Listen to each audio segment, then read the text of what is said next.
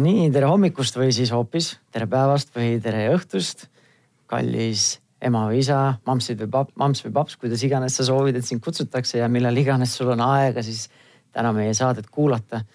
Äh, see on Pere ja Kodu podcast või veebiraadio ja mina olen siis saatejuht Tanel Jeppinen. ja täna on meil järjekordselt stuudios üks hästi põnev külaline ja me räägime täna sellisest ma ei tea, ma, ma tahaks öelda, et nagu võib-olla keerulisest või raskest teemast tavalisele lapsevanemale äh, ja millestki, milles, mille tõttu nagu nii mõnegi, mõnigi lapsevanem võib nagu ahastusse äh, sattuda, et kui tal tekib kahtlus või siis käibki kuskil arsti juures ja siis tuleb välja, et tal võsukesel on või võib olla siis mingi erivajadus või käitumishäire. ja täna siis selle teema nii-öelda lahkamiseks ja arutlemiseks on meil siin stuudios Erle Kuusik, tere Erle tervist. aitäh, et sa aega võtsid oma tiheda, tihedast tööpäevast ja tulid siia meile stuudiosse oma mõtteid jagama. Rõõmuga. ja natukene sinu sissejuhatuseks ka, et, et sa ise ei pea ennast nii-öelda siis reklaamima või, või sisse juhatama, et, et hariduselt sa oled eripedagoog ja viimased kuus pool aastat oledki juhtinud siis Tallinna Konstantin Pätsi Vabaõhukooli õigus? vastab tõele ja, ja lisaks sellele on sul endal kaks poega, üheksa ja kolmeteistaastased ja, ja ma olen aru saanud, et siis ühel nendest on, on ka mingi, ma ei tea, kas siis käitumishäire võib öelda või? noh, tänaseks nad on suhteliselt tavalised inimesed. okei, aga lähme siis natuke alustame, võtame paar sammu tagasi, et esiteks, kas sa saad äh, kirjeldada või lihtsalt natukene jagada, et mille poolest siis see Konstantin Pätsi Vabaõhukool erineb teistest riigikoolidest? Jah, ta selline päris eripärane kool on äh, ja, ja meie siis äh, õpetame, pakume põhiharidust äh, psüühikahäiretega lastele mm. -hmm. ja kuna tegemist on riigikooliga, mitte siis kohaliku omavalitsuse kooliga, siis meie kooli tulevad lapsed üle Eesti Vabariigi igalt poolt kokku ja tulevad alles seejärel, kui kohalikus omavalitsuses on äh, nagu need ressursid ammendunud või need abivõimalused ja et kõigepealt äh, esimene variant alati laste puhul on ju see, et nad saaksid käia kodulähedases koolis, et nad saaksid seal abi. et ei peaks kuhugi kaugele sõitma, veel vähem siis kodu juurest ära kolima, eks ju, et, et laps õpilaskodus oleks. aga vahest on juhtumid äh, ja laste lood nii keerulised, et, äh, et tuleb teha, ütleme siis halbadest valikutest ikkagi see parim valik. ja, ja siis on, siis on kord meie käes proovida ja leida siis üks, üks hea ja töötav lahendus ja no selle põhjal tundub, et siis saate päris sellised. no ei tea, ma ei taha no,, see võib nagu halvustavalt kõlada, nii-öelda ikkagi fruktid, et kellele äh,, kellega on vaja tööd teha ikka, et nad on, neil on kõvasti seda tuge ja abi vaja nagu, et ja ei, selles mõttes küll, et töörõõmu on kõvasti, et, et saad aru, miks sa töötad ja, ja et see on vajalik asi, et, et ei ole niimoodi, et mõni päev oleks jube lihtne ja mõtled, et noh, nagu midagi teha pole ja igavaks läheb mm. -hmm meil juba selles sissejuhatavas osas mul endal juba hakkab pea nii, nii mitmes erinevas suunas minema, millest nagu rääkida ja, ja kuhu nagu jõuda, aga, aga räägime alguses natukene üldiselt veel, sest kui me eetriväliselt või salvestusväliselt rääkisime siin, siis eh, noh. meie lapsed, meie peres on, eh, vanem laps sai neljaseks just ja me nagu endal ei ole mingit kahtlust, et nad ikka vahepeal teevad te,, teevad ikka sellist põrgud põr-, põrgulikud võib-olla võivad käituda äh, halvematel päevadel, aga ma nagu ise ei ole mõelnud, et äkki, äkki on mingi kahtlus, et äh, peaks testima neid, on ju. aga ja, ja kuna mul ei ole isiklikku kogemust väga intiimset sellise käitumishäiretega või äh, psüühikahäiretega, siis mina nagu tahtsingi kohe nii-öelda neid silte hakata panema, noh käitumishäire ja, ja nii edasi, et, et sa ütlesid, et sulle endale võib-olla vä, nii väga see termin ei, nagu kas ei meeldi või ei istu, et tahad sa seda kommenteerida, et miks või, või kuidas siis paremini neid, seda asja siis nimetada või seda olukorda? jah, et ma ei lähtuks diagnoosipõhiselt, et käitumishäire on ka nagu üks äh, kindel diagnoos, mida mm -hmm. psühhiaatrid panevad. aga pigem on need lapsed äh, äh ütleme siis väljakutseid esitava käitumisega või siis, et nad ei omanda siukseid tavapäraseid käitumisnorme üleliia kergesti et neil on sellist lisatuge ja õpetust vaja, et, äh, et aru saada, kuidas, kuidas siis maailm toimib ja kuidas äh, ise seal turvaline oleks toimetada. et äh, seal taga võib olla erinevaid psüühikahäireid. et noh, levinumad, kes, kes meie koolis õpivad, on tavapäraselt siis aktiivsus-tähelepanuhäirega lapsed. aga neil on juures ka autismispektri häireid, ehk siis ühel lapsel on tavaliselt mitu diagnoosi meil. Et, et see ongi see on lugu. on see muidu sage, et need kaks äh, käivad koos või ei ole? üksikult on sagedasem, aga on täitsa juhtub, et satuvad äh, mõlemad ühele lapsele või siis hoopis veel mingisuguseid lugusid seal taga. aga neid iseloomustab jah, kõiki lapsi, et mis iganes psüühikahäire siis on, on see, et see väljendub kuidagi eripärases käitumises. et see ei ole päris, päris tavaline. Ja, ja selle käitumise tõttu on siis häiritud nende õppimine tegelikult ja, ja see on põhjus, miks nad meie kooli jõuavad või, või miks neil raskused tulevad. et kui sa rääkisid siin oma perest ja, ja vanemast nelja-aastasest, et, et noh, kõik lapsed teevad arengus mingeid etappe läbi, eks ju niimoodi nad suureks saavadki. aga võib olla täiesti erinev see, kuidas laps käitub kodus ja kuidas ta hakkab käituma siis mingisuguses lasteasutuses, olgu see siis lasteaed või kool. et äh, need tingimused on hoopis teised, et kodus on selline noh, turvaline, ettearvastatav, tavaline õhkkond tavapäraselt, eks ju, tavalises peres. aga lasteaias või siis koolis ta peab järsku tulema toime täiesti ettearvamatute olukordadega, et seal on kakskümmend neli, kakskümmend kuus, vahest kolmkümmend last korraga ja see on noh, kui me rühma sisse astume lasteaias, eks ju, on selline vaba mänguaeg, et see on suhteliselt kaos, mis seal toimub.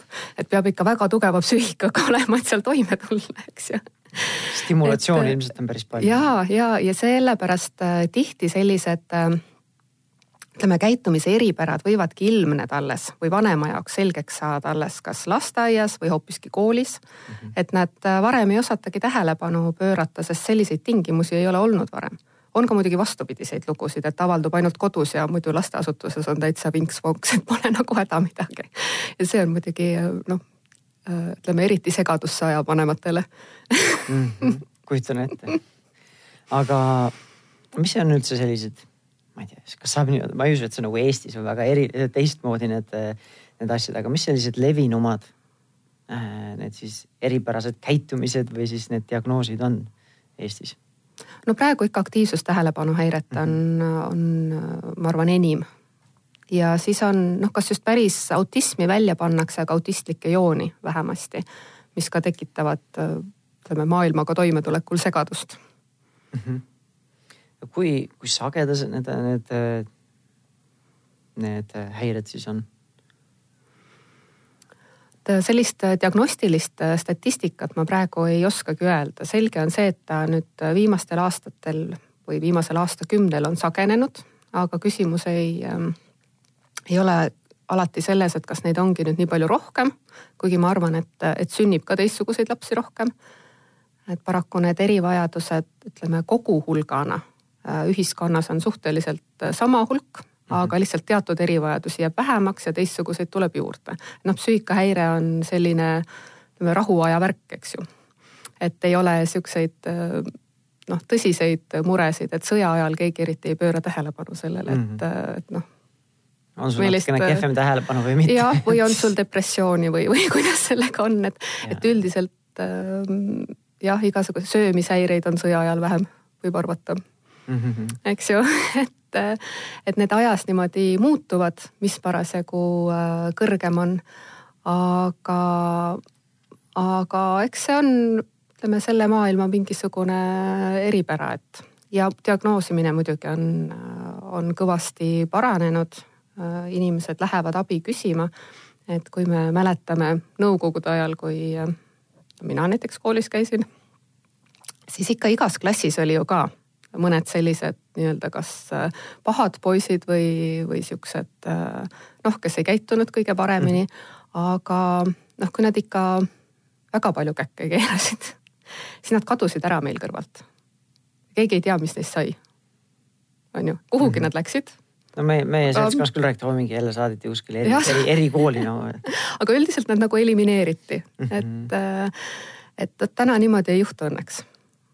Et ikkagi lapsed äh, pigem saavad abi ja, ja toetust ja, ja ühiskond on sallivam. et kuskile kinni äh, päris kergekäeliselt ei panda kedagi mm. -hmm. no tahaks ära klaarida, et teie kooli ka kedagi kinni ei panda. ei, meil on kusjuures see üllatab alati kõiki, et äh, meil on äh, vähem piiranguid kui tavalises koolis meil ei ole turvameest, kes valvaks sisse-väljakäimist, meil ainuüksi peahoonel on kaheksa välisust, kust kõikidest saab välja. Kõik mm -hmm. on lahtised.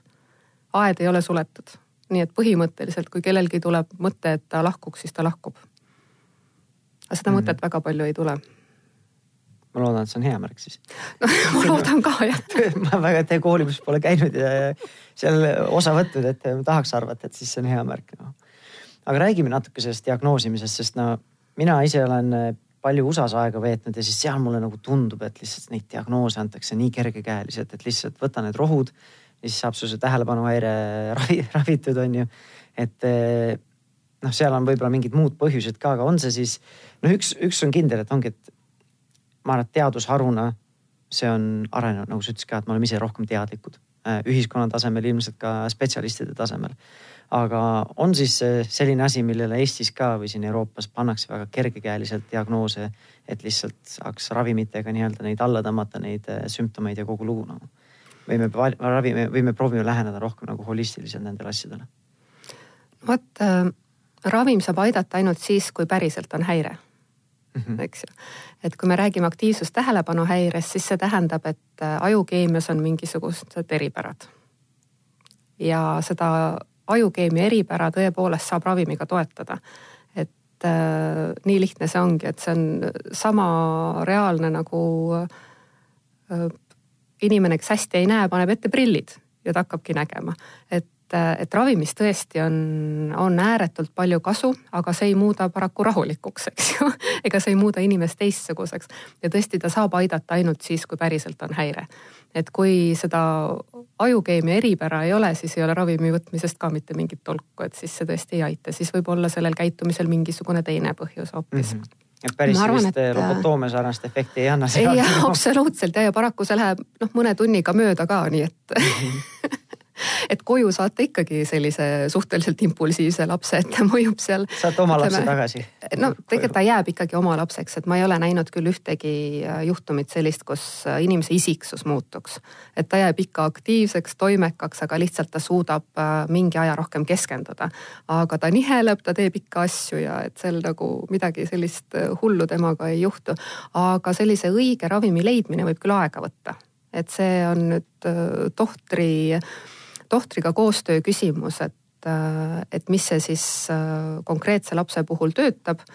et see on igal juhul on vaja sellist äh, koostööd, et üks asi, ravim üksi ei tee ka siin imesid, ravim aitab, aga igal juhul on vaja sellist toetavat kodukeskkonda, on vaja toetavat koolikeskkonda.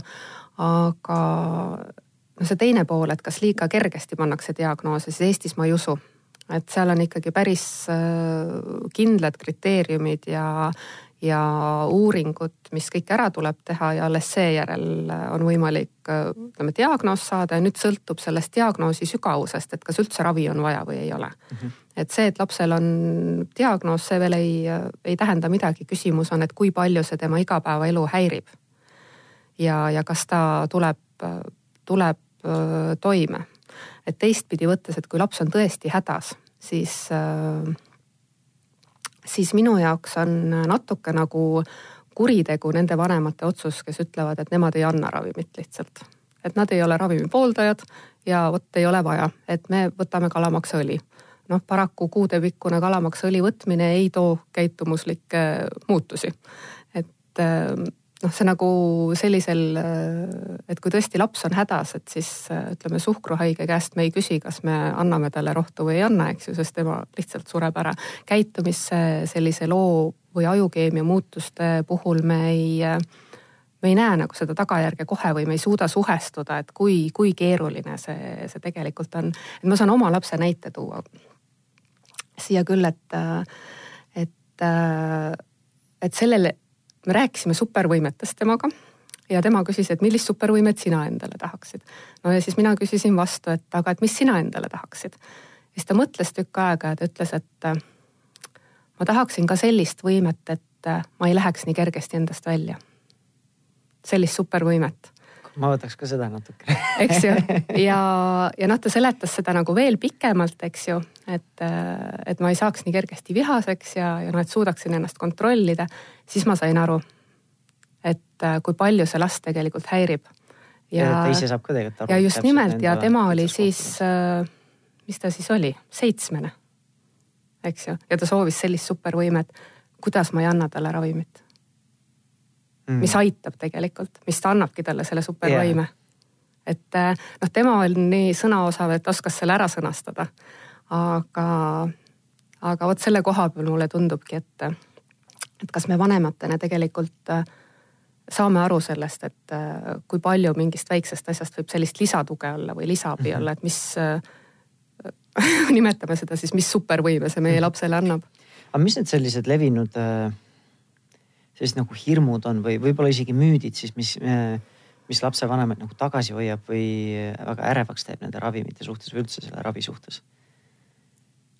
no kardetakse ikka mürgitamist ja seda, et see on, no ta, tegemist on psühhotroopse ainega selles mm -hmm. mõttes, et sisuliselt nagu äh, kardetakse, et laps võib sõlt-, sõltlaseks jääda.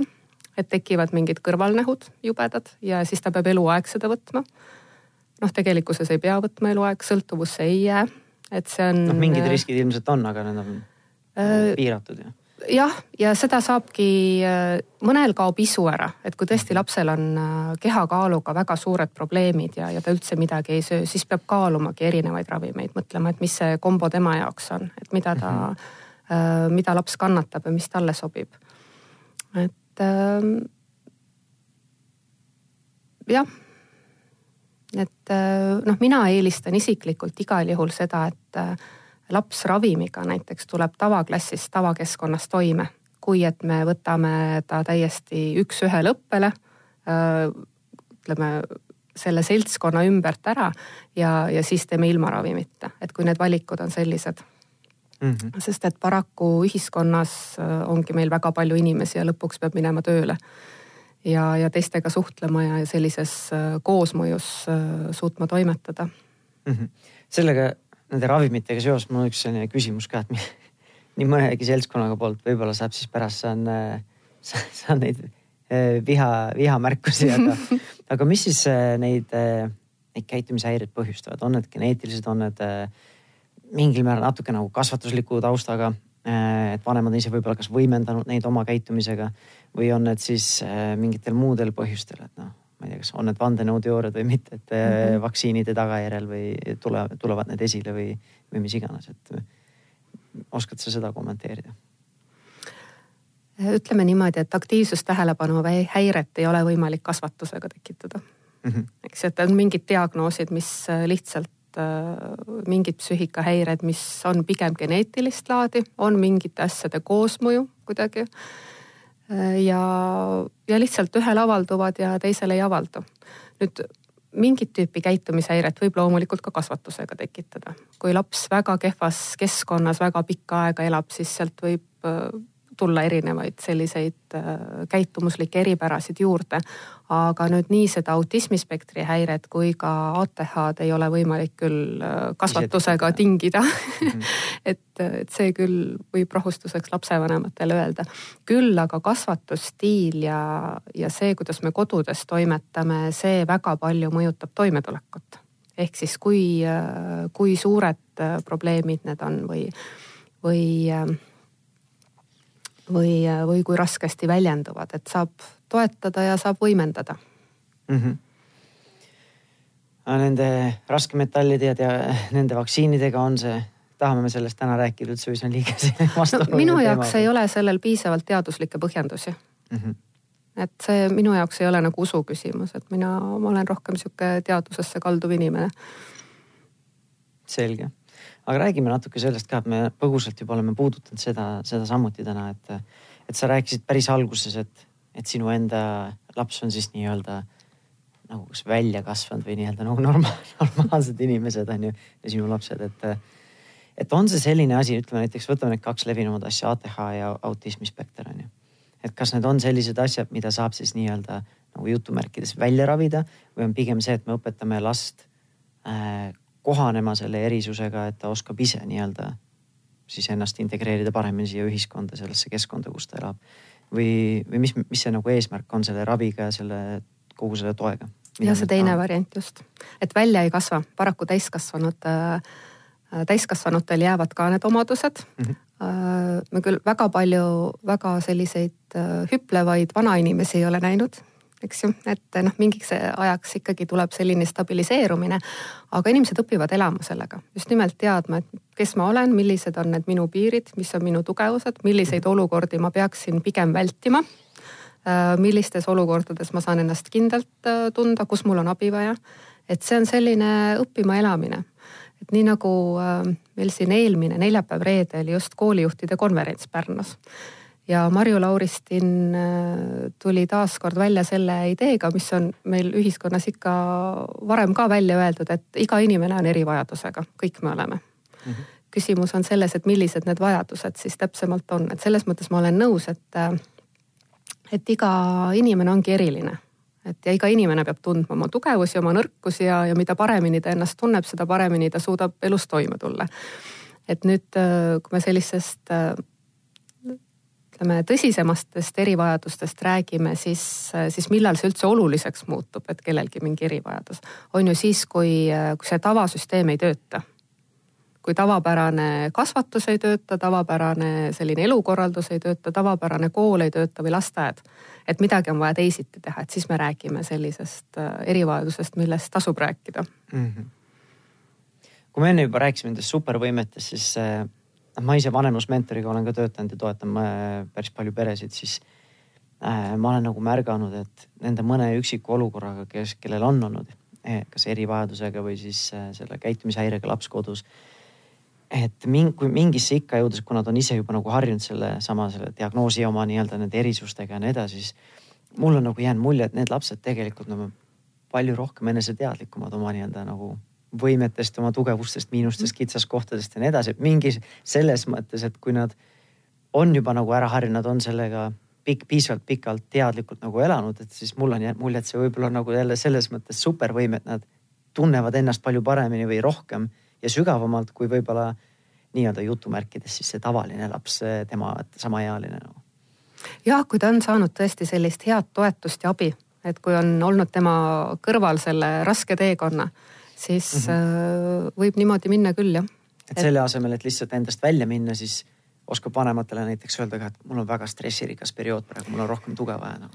oo oh, jaa et äh, paljud täiskasvanudki ei tee seda, et lihtsalt lendavad õhku ja hakkavad paugutama nagu, et selle asemel, et korraks aru saada, mis toimub. kuule, mul on praegu kõrge stressi, stressitase, ma ei ole parim versioon iseendast, mul on rohkem abi vaja.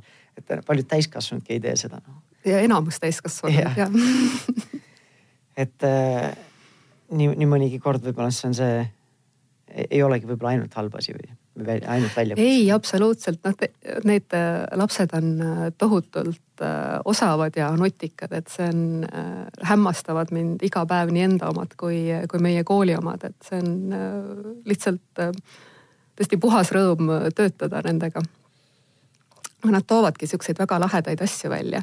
aga üks asi, mida noh, nad õpivad ära kasutama vahel, mitte küll kõik, aga juhtub, et nad siis äh, vabandavad välja ennast oma diagnoosiga mm, -hmm. eks ju, et ma nagu ei peagi midagi tegema, et ah, et et mul on ATH ja ma ei peagi oskama või mul on autismis, mul on Asperger, ma ei peagi seda üldse tegema, et see on normaalne, et ma siin sind pikalt saadan. et see käib mul diagnoosi juurde. Natuke nagu seal monopoli mängus see vanglast vabaks saamise kaart nagu, et. just, et äh, see on nüüd küll see koht, millega noh, peaks tegelema, et diagnoos ei ole mitte kunagi vabandus see aitab meil mõista, et see võib olla põhjendus mingiteks asjadeks, aga see ei vabanda kunagi kehva käitumist. et küsimus on lihtsalt selles, et, et sellise enesekontrolli saavutamiseks peab see laps või noor tegema rohkem tööd. aga see on võimalik et, et see ei saa olla niimoodi, et vahest vanemad võtavad ka seda, muidugi vanemad võivad olla lihtsalt meeleheitel ja nad ei oska enam midagi muud öelda mm, -hmm. kui et jätke mind rahule, et lapsel on diagnoos ja las ta nüüd olla mm. -hmm aga noh, tegelikult nagu sisimas ei tohiks leppida sellega sellisel kujul. nagu mingil määral ongi vastutuse võtmine enda tegude ja asjade eest. jaa, absoluutselt, et vastut-, kui inimesel on ikkagi eakohane intellekt, et täiesti mõistuse poolest on kõik korras, siis äh, ta on ka vastutusvõimeline. küsimus on mm -hmm. ikka selles, et ähm, et kui palju me suudame talle õpetada, et selge on ka see, et selline laps ei omanda iseenesest, et mis see vahe nüüd käitumises ongi. et kui tavaline laps, kes sünnib siis tema õpib matkimise teel mm -hmm. ja ta omandab äh, niimoodi mängleva kergusega, noh muidugi vanemad peavad suunama vahepeal ka ütlema, et mis on õige ja mis ei ole nii hästi läinud. et aga nad õpivad iseenesest selle hea käitumise või korrektse käitumise ära üldiselt. noh muidugi vahest äh, teevad igasuguseid asju, aga üldjoontes, et ei ole sellega häda. aga paraku nüüd see psüühikahäirega laps ei ole võimeline lihtsalt matkimise teel omandama, et tema vajab sellist konkreetset õpetust ja, ja väikesteks juppideks tegemist. et selles mõttes ei ole olemas halba käitumist, vaid on äh, oskuste puudumine. et käitumine on paraku oskuste kogum, see on nüüd hea mhm. uudis, eks ju, mhm. et kõige parem uudis üldse. et oskused on õpetatavad ja oskused on õpitavad ja kuna käitumine on äh, väga paljude väikeste oskuste kogum, siis tegelikult see on õpitav. aga see võib võtta lihtsalt väga palju jõudu ja energiat ja, ja tahtmist mm. -hmm. no ise nagu nii-öelda kõrvaltolijana vaadata, siis tundubki see, et kui vaatame, et näiteks elame täis, räägime täiskasvanute maailmast, et siis, et see on sama, millest me enne rääkisime, et kui seda vastutust ei taha võtta, et eh, peidadki oma selle diagnoosi taha, siis mingil määral võtadki selle ohvri mentaliteedi, et sa ei tahagi tegelikult nagu areneda arenda, arendada ennast või nii-öelda kuidagi parandada või mhm. kohaneda selle olukorraga, et. et see nagu peakski vist algama sellest vastutuse võtmisest, et, et üldse nagu kohaneda selle olukorraga jaa, absoluutselt, meil on kusjuures, see sobib hästi praegu siia, et mis meie koolis on äh, teistmoodi võrreldes tavalise või teistsuguse kooliga, et me pöörame sellistele sotsiaalsete oskuste õppimisele väga suurt tähelepanu. ja just sellisele nagu ka nii grupitoetusele kui individuaalsele toetamisele. Ja eesmärk on ikkagi see, et laps õpiks grupis toime tulema, isegi kui ta mingil hetkel ei suuda muud moodi õppida kui üksinda või siis noh, juba hästi on see, kui ta paaris kellegagi suudab ühes ruumis olla ja, ja õppetöö toimub. aga meil on viiendas-kuuendas klassis üks äh, selline eripärane metoodika, mille nimi on ART, see on siis agressiivsuse asendamise treening. ja selle, ütleme, see põhisõnum on, äh, ongi tegelikult vastutuse võtmine, mitte see, et mingi käitumine oleks keelatud. ei ole niimoodi, et ähm, nüüd äh, on meil siin pahad asjad ja siis keegi näägutab on ju, et ütleb, et on väga halvasti, niimoodi ei tohi teha, et oi-oi-oi mm. -hmm. vaid äh, küsimus on meie valikutes. et kui sa näiteks otsustad agressiivselt käituda, siis sa pead võtma pärast vastutuse. elus on kohti, kus tuleb agressiivselt käituda. kas ennast kaitsta, kedagi teist kaitsta, mis iganes, aga see peab olema teadlik otsus ja see tähendab ka teadlikku vastutust sealjuures. ja, ja mida varem me tegelikult selle ära õpetame siis seda parem on. et seetõttu mina hästi usun äh,, usun sellesse metoodikasse, et mul ei ole kunagi näägutamine meeldinud, eks ju. mina olen ka olnud see laps, kes vajab teaduslikke põhjendusi, et mm. miks peab jope selga panema ja, ja miks üldse, ma ei tea, peab kapsast sööma, eks ju. et, äh, et, äh, et ma olen hästi seda meelt, et kui inimene otsustab, siis ta suudab ka vastutada. et niikaua, kuni ta ütleb, et ma lihtsalt olengi selline impulsiivne inimene ja harjuge ära, palun on ju, tulge toime sellega, siis nii kaua väga kaugele ei jõua paraku mm. -hmm. et see käitumise muutus saab tulla teadlikust valikust. selle oskuste õppe juurde tagasi tulles, mis sa kommenteerisid ennem, siis mul on tunne, et nii väikeste laste puhul sa ütlesid küll, et nad nagu õpivad seda iseenesest, aga seal ongi see tärn, et see lapsevanem peab ise ikkagi teadlikult siis käituma, millise eeskuju talle annab sest eh, nii mõnigi kord, eriti nüüd me räägime noorematest lapsevanematest, kellega mul on võimalus olnud koos töötada, siis aeg-ajalt ikkagi on see, et meil on lastele päris nagu kõrged ootused, eriti kui vaadata peeglisse, et kuidas ma ise käitun, et ise lendad õhku lapse peale ja siis ütled, aga, aga ja siis karjatad ka, et rahune nüüd maha, mis sul viga on nagu,, miks sa ei saa rahulik olla nagu. et siis ongi nagu, tal ei ole nagu ühte, mingit muud nagu mudelitki ees, kuidas teistmoodi käituda, onju. et siis äh, ma nagu usun ka seda, et ongi, et lapsevanem peaks nagu õpetama seda, kuidas ise enda emotsioonidega ja impulssidega toime tulla, isegi väikese lapse puhul, aga siis see peaks olema, toimuma nagu eakohaselt.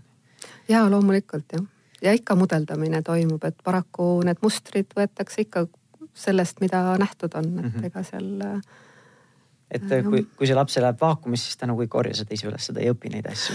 ei ja paraku mitte, et täiskasvanud peaks ikkagi püüdma rahulikuks jääda, et see on kohutavalt keeruline ja, ja oluliselt keerulisem on see oma lastega. et ja praktikas seda... on oluliselt oh, keerulisem kui teoorias nagu. teoorias on ikkagi enamus väga tugevad aga jah, äh, ütleme niimoodi, et äh, minu isiklikud lapsed on esitanud mulle suuremaid väljakutseid kui ütleme, käitumishäiretega laste klass on ju terve kambaga koos et paraku äh, see on jah, selline teistsugune, teistsugune suhe. Ja ma ise naeran ka seda, et need oma lapsed on ilmselt saanud äh, niisugused äh, antikehad äh, minu eripedagoogilistele võtetele emapiimaga kaasa sest et nad on, eks ole, minu seest tulnud. Et kõik, mis töötavad üldiselt teiste laste peal, need asjad, siis need kodus ja, paraku ei taha nagu väga töötada. Et, et on, on jah, hoopis teistsugused, teistsugused lood. meil on natukene aega veel äh, rääkida selle, nendest teemadest, ma tahaksin natuke pikemalt rääkida, kui su, kui sulle sobib sellest ardist see oli, Art oli agressiivse. asendamise treening. asendamise treening, kus see R seal on siis ära kadus? Replacement. mõtlesin, et. jaa äh, saad sa sellest natukene pikemalt rääkida, sest mul on tunne see, et olgu siis laps siis selle diagnoosiga või, või siis eripärase käitumisega või mitte. Äh, teatud vanuses tuleb neid episoode ette, ma arvan, paljudel vanematel, kui mitte kõikidel vanematel et oskad sa lihtsustatud kuidagi mingid sellised praktilised näpunäited meile anda, kuidas siis toetada last, kui ta kipub agressiivselt käituma? millal on laps kõige agressiivsem, mis vanuses, mis sa arvad? no isiklikus kogemuses minul on ainult väiksed lapsed, et ma ütleks, et see kolme, kolme-nelja-aastane on see päris. ja võib, isegi kahene, isegi kahene, sest et ta tegelikult ta, ta sõnadega veel ei oska öelda ja. kõike seda ja üldiselt noh, tuleb, kui ta tahab, siis tuleb tou ära no see tuleb juba aju arengust, et see eneseregulatsioon ei ole ja, nii hästi ja. arenenud, aga. et ei ole see kuueteist või ütleme, kolmeteistaastane, eks ju, kus meile tundub, et hakkab murduma ja läheb nagu selliseks tibaagressiivseks, vaid on Ai, ikkagi jah. see päris, päris pisikene. ma natuke mäletan enda teismelise aasta, aastaid ka, et siis ikka vahepeal võib see olla, aga see ei ole võib-olla nii füüsiline, aga see on pigem selline õhku lendamine, lihtsalt saadad vanemaid kuhu iganes ja et äh, selle kohta on ka üks tore Äh, Soome psühhiaater Raisa Kassiatore ütles oma ettekandes väga vahvasti, kui ta Eestis käis, et, et äh, kui see murdeealine arvaks, et tema vanemad on maailma kõige toredamad inimesed ja nendega on jube vahva koos elada, siis ta ei koliks mitte kunagi ära mm. -hmm. on ju, et meil on see valik no aga vanemana ikkagi tahad, et ta lõpuks ikkagi Täpselt, ära koliks. eks ju, nii et, et see on hea asi, et me ei meeldi neile enam. Et see lihtsalt tuleb läbi teha see arenguperiood, et see on väga lohutav teadmine, et seda tasub endale meelde tuletada, et praegu on see hetk, kus ta peabki kasvama, ta peabki mõtlema, et ma olen hirmus loll ja kole ja nõme. ja lihtsalt, et äh, see aitab, see viib selleni, et ta lõpuks ei istu enam minu diivanil. ja no kuskilt ikkagi peaks olema, tahaks seda balanssi just leida selle koha pealt, et, et ikkagi tunneks ennast piisavalt turvaliselt ja emotsionaalset kontakti, et kui tal endal hinges midagi suurt ikkagi mm -hmm. on, et ta jagab minuga neid ja me saame nendest, nendest nagu koos läbi töötada, et et mind kuskil ikkagi tahaks seda, seda meeldivust või seda usaldust ikkagi hoida nagu. ei, see teatud äh, sinna põhja jääb ikkagi alles, et kui see usaldus ja meeldivus on olnud, siis ega ta päris ära ei kao. aga lihtsalt ühel hetkel nad saavad targemaks meist mm. -hmm. aga räägime sellest väikelapse toetamist, sellises agressiivsuse sellises episoodis. Äh, aga need väikesed tärnid tahan öelda, et ma ütleks küll, et nii mõnigi kord võib olla eelteismelisel neid samu nii-öelda tendentse, kui tal ei ole, tal ei ole neid oskusi olemas nagu ja muidugi ei ole, kuidas tal saaksidki olla. et ja üks asi veel, mis ma varem tahtsin kommenteerida, aga läks meelest ära, et, et kui on see näide, et kuidas täiskasvanu käitub, eks mm -hmm. ju, mhm. et alati ei ole me head eeskujud. et see on see, mida täiskasvanule peab meelde tuletama aeg-ajalt mm. -hmm. et kui me lähme lapsega konflikti ja eriti, kui meil on erivajadusega laps nüüd, siis äh, korraks võtta aeg maha, seista peegli ette ja küsida, et äh, kumb meist on psüühikahäirega laps praegu no võib-olla nagu isegi mitte lapsena vähemalt, kumb selles moodi käitub. ja et selles mõttes täitsa tõsiselt vaadata otsa, et, et kuidas me saame eeldada, et, et see laps või nooruk, okei okay,, ta on võib-olla juba viisteist, on ju, tundub juba päris suur inimene. aga mina olen noh, nelikümmend, eks ju, mul on selline elukogemus. ja, ja mul nagu vähemalt diagnoositud ei ole midagi, see ei välista, eks ju, et kas on või ei ole. aga et kuidas ma saan eeldada, et see laps minu kõrval lahendab praegu selle olukorra ära? Et kui mina lähen samamoodi endast välja, kui ma hakkan samamoodi ütlema igasuguseid asju, mis ei ole tegelikult kohased, siis äh, nagu mis meid eristab? ei eristagi midagi, et täiskasvanu peaks jääma ikkagi oma täiskasvanu rolli, eriti kui ta on ametis, noh, üks asi on äh, lapsevanem aga kui tegemist on õpetaja või, või tugispetsialisti või ükskõik äh, kellegi teise sellise pedagoogilise töötajaga, siis sealt mõned erinevused võiksid olla mm. -hmm. eks ju, selles käitumises et noh, kasvõi seesama aja mahavõtmise koht, et, et ega loomulikult lapsed oskavad täiskasvanuid närvi ajada, selles ei ole mingit kahtlust. aga mm -hmm. küsimused, mis me sellel hetkel nagu peale hakkame, kuidas me seda lahendame ja igal juhul see on täiskasvanu vastutus.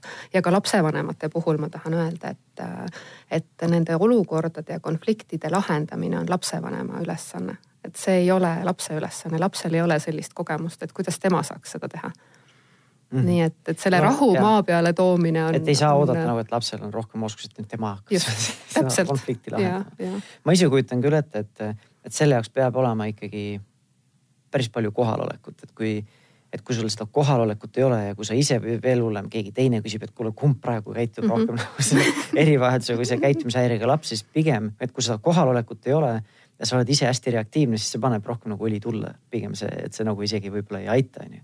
Aga selle jaoks ongi nii-öelda siis vaja endale ikkagi mingeid harjumusi ja mingeid pidureid ja mingeid selliseid kontrollpunkte sinna luua, et, et sa ei ole ainult reaktiivne nagu. et sa saad nagu kontrollida ja reguleerida oma reaktsioone ja käitumist. jaa, absoluutselt. et teine kehva asi, mis nendesse suhetesse tuleb, on, on hirm mm. -hmm. et äh, ma olen kohanud äh, kahetsusväärselt palju perekondi, kes kardavad oma last. Ja kahetsusväärselt palju neid olukordi, kus laps kardab oma vanemat. et noh, selline ütleme tavapärane lugupidamisest tulev selline väike nagu kartus, et ma ei mhm. nimetaks seda hirmuks, aga selline noh, mingi on see võib-olla aukartus või lugupidamine, eks ju, mhm. see loomulikult vanemate suhtes peab olema, see on nii nagu äh, aga noh, mis iganes täiskasvanute vahelises suhtes, kui mul on üks väga hea sõber ja ma mingi käki kokku keeran, siis ma kardan talle sellest rääkida, onju mitte ma ei karda, et ta nüüd, ma ei tea teeb midagi hirmsat minuga seetõttu. aga lihtsalt on nagu väga ebamugav, sest ma tean, et ma olen talle haiget teinud võib-olla. et noh, seda, seda tüüpi kartus on normaalne, et, et laps ei julge oma pahandusi alati kohe nagu tulla rõõmuga rääkima, aga ta lõpuks teeb selle, teeb selle ära jah, see tundub, tuleb, tundubki mul nagu see usalduse ja lähedusega seotud, kui ja. usaldus ja lähedus on olemas, siis nagu ei taha nagu pettumust valmistada, ei taha liiga haiget teha mm -hmm. või mis iganes. just, aga sellist reaalset hirmu, et kuidas vanemad äh, kardavad, noh, sellega ilmselt on inimesed rohkem kokku puutunud. Äh, varem olid teistsugused kasvatusstiilid, mis eeldasidki sellist hirmu ja, ja tugevat äh, hierarhiat, et noh, mis tänapäeval enam õnneks ei ole selliselt et kus lapsed vanemaid kardavad ja paraku seal ei ole seda, seda usaldust, aga jah, äärmiselt kahetsusväärne lugu on see, et, et vanemad ei julge piire seada, kuna nad kardavad lapsi.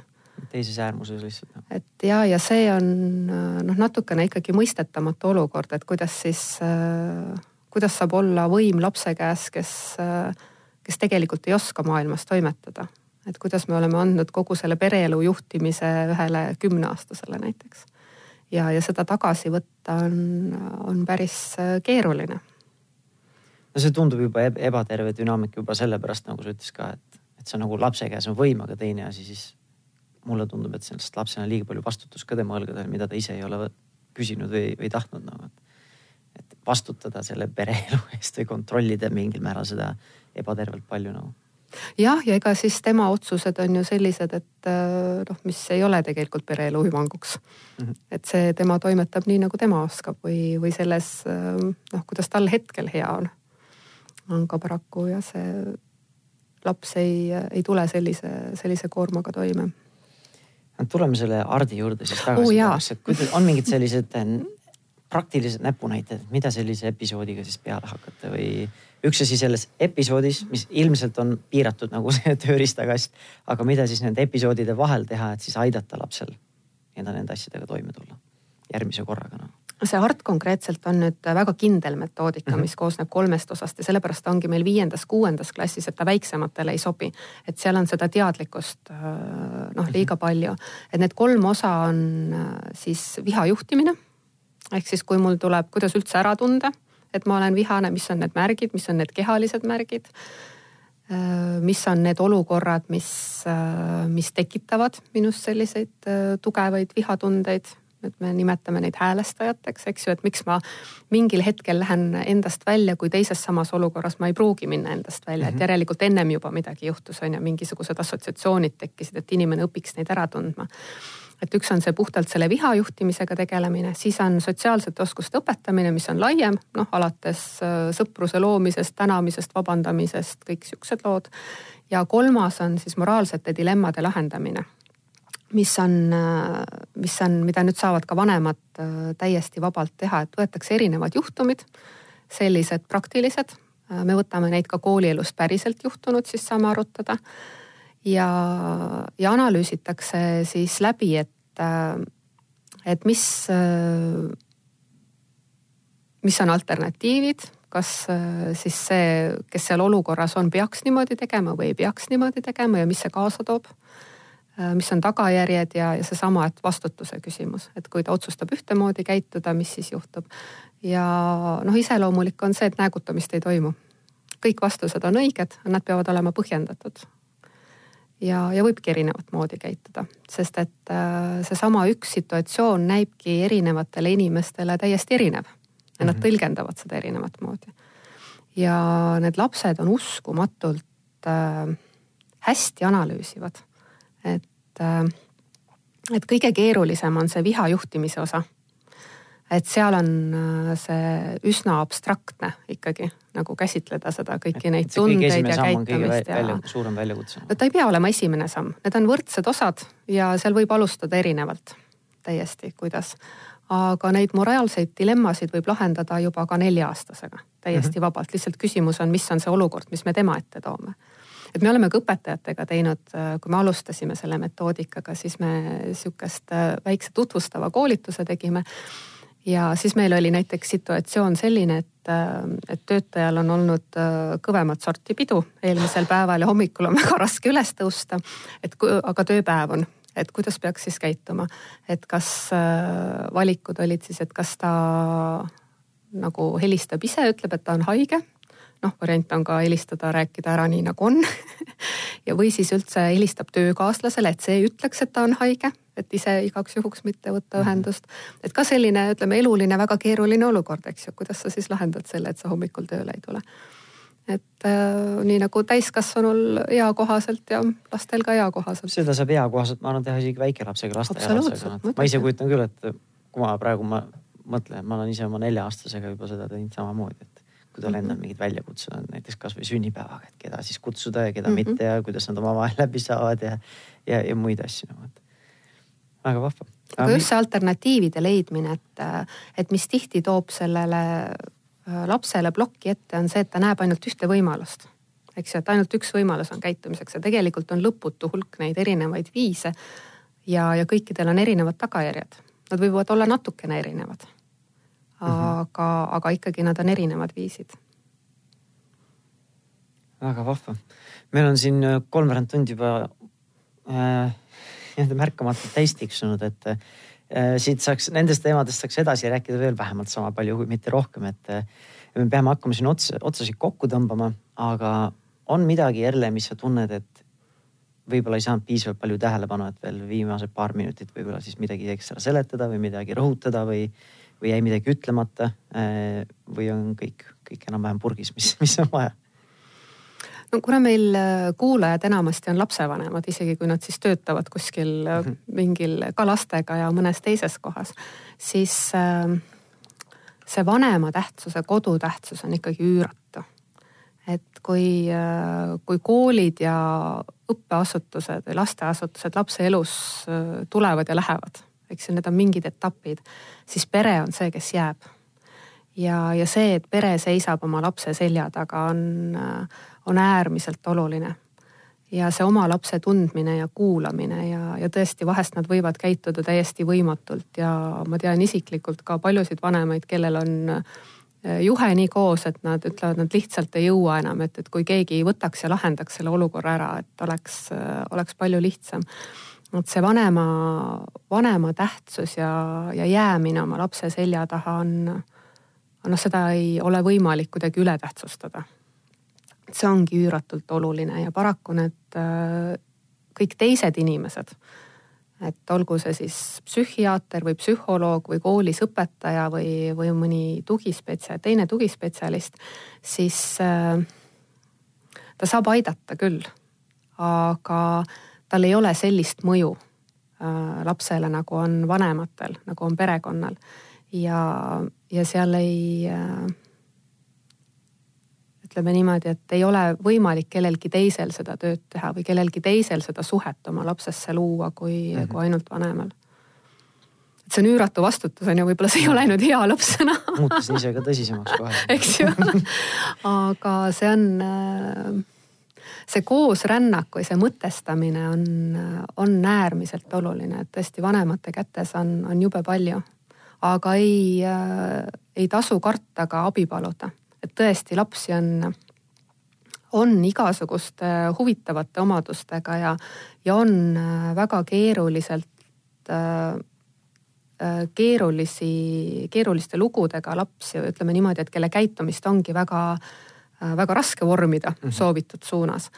et kindlasti on meil Eesti Vabariigis praegu neid kohti, kust, kus saab nõu ja abi ja, ja võib avatult seda koostööd vaadata ja, ja mõelda. oskad sa soovitada ka, kuhu poole pöörduda, kui siis kas lapsevanemal näiteks noh, neil ei ole mingit diagnoosi, aga tal on endal nagu sügavad kahtlused, et äkki on, on ekstra abi vaja ja juhiseid või, või ravi või mis iganes et no esiteks ikkagi äh, tasuks käia psühholoogi juures ära, kui tuleb juba sellest lasteasutusest ka tagasisidet ja, ja küsimust, et, et kas te olete mõelnud psühhiaatri juurde minna, siis seda ei peaks kartma. et äh, noh, psühhiaater ei tee mitte midagi teie lapsega, mida te ei taha eks ju. et ja isegi kui tuleb diagnoos, siis see avab uksed äh, toetusvõimalustele. Et ei pea seda ka kartma, nii nagu osa inimesi kardab ka näiteks puude määramist, et siis on mingi silt küljes ja laps on puudega, mis nüüd saab, eks ju mm. -hmm. aga tegelikult see annab võimaluse tasuta teenusteks, et äh, abi saada kuskilt veel. nii et äh, kui on juba kooliealine laps, siis, siis võib ka meie koolist abi küsida et võib täitsa julgelt ühendust võtta, et selleks noh, ei pea tahtma kohe meie kooli tulla. et me täitsa teeme selliseid asju ka. Ma sõidan üsna palju üle Eesti, et käin koolides vaatamas ja kui ma käin koolis kedagi vaatamas, siis ma reeglina kohtun ka lapsevanemaga. ja, ja see eesmärk on ikka see, et seal kohapeal laps leiaks mingisuguse hea lahenduse, mis, mis töötaks ja ta saaks oma haridustee lõpuni käia. ja vahest on vaja lihtsalt sellist äh, väljastpoolt pilku, kõrvalist, mis, äh, äh, mis aitab nagu sellest raamist välja vaadata või, või sellest tavapärasest olukorrast.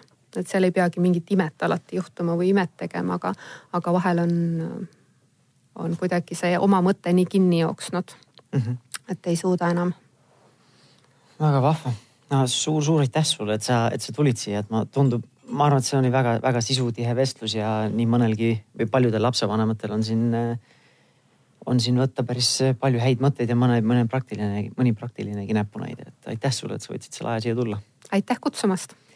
ja, ja sulle ka kuulaja, et, et kui sulle need teemad korda lähevad, siis tule ikka jälle kuulama järgmisi saateid, võid jär, eelmisi saateid ka järgi kuulata või järele kuulata ja, ja vahepeal Äh, saad silma peal hoida ka Pere ja Kodu ja Delfi veebiväljaandel ja, ja Facebooki lehtedel, kus nendel laste kasvatamise teemadel tuleb artikleid välja igapäevaselt ja päris mitu.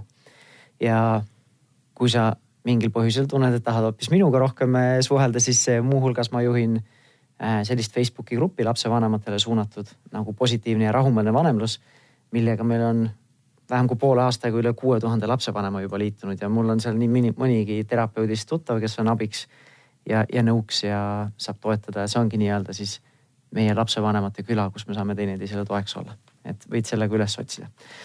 aga seniks kõike paremat sulle ja siis järgmise korrani ja kuulmiseni